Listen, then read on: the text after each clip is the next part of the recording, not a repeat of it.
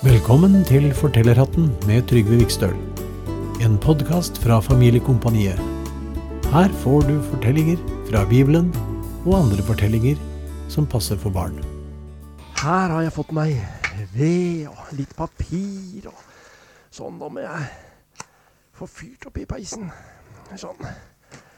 Nå skal det bli godt og varmt og koselig her. Apel for og Natros har spurt dem om jeg kan fortelle om en gang det ikke var så bra mellom dem, ja. Men de lærte noe av det. Bare hør her. Solen skinte som vanlig over indre Bavianialand. Det summet av lyder i jungelen fra alle slags mulig levende vesener. Venneflokken med apulf, kroko, passport og nattros hadde hengt opp et tau og stivet det opp med grener, slik at det ble et rundt hull som hang ned fra en av de største bananpalmene i nabolaget. Så sto de tre og en halv meter fra palmen og kastet en kokosnøtt som de skulle treffe hullet med. Det hadde Kroko bestemt, og når Kroko hadde bestemt seg ordentlig for noe, var det ingen som torde å si imot den skumle krokodilla.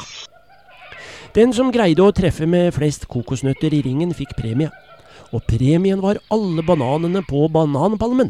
Og da skjønner vi at den som ønsket aller mest å vinne, det var nok Apulf, apekatten med bananer som livrett. Utpå ettermiddagen var det Nattros som ledet konkurransen.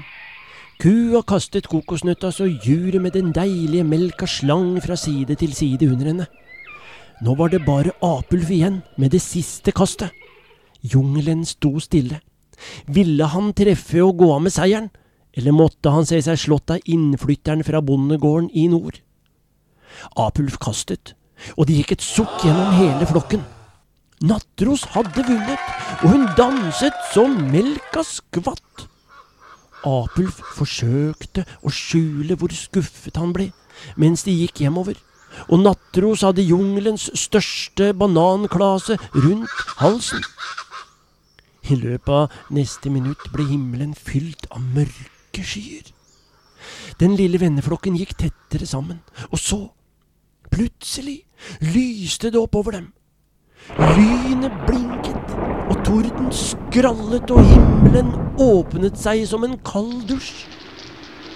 Ingen på den smale jungelstien likte tordenvær, men Nattros ble livredd.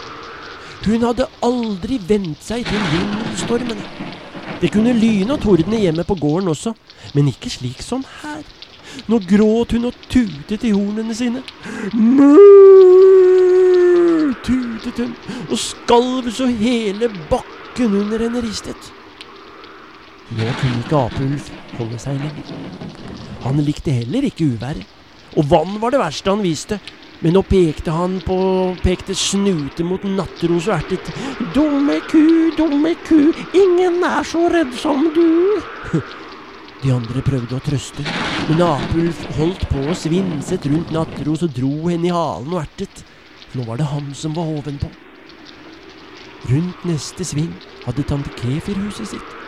Hun kikket i vinduet, og selv om hun var kjent for å være sur, så åpnet hun døren nå og ba hele flokken å komme inn så fort de kunne.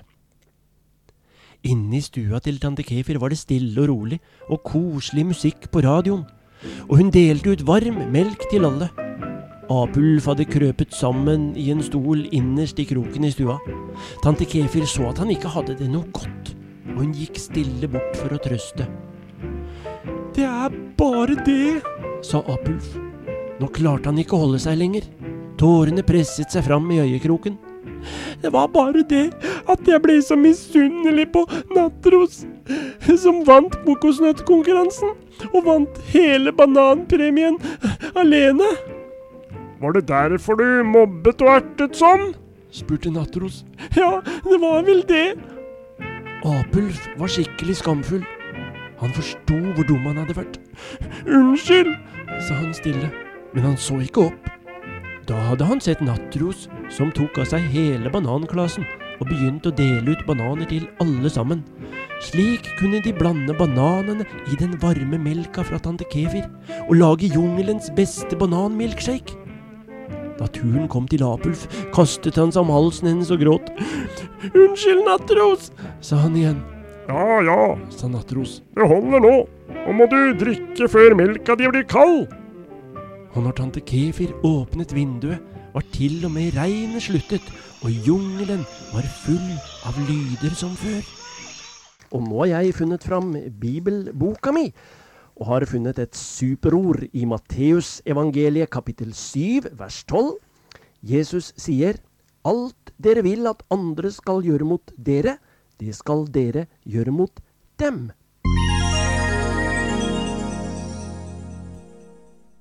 Da var det slutt for denne gang.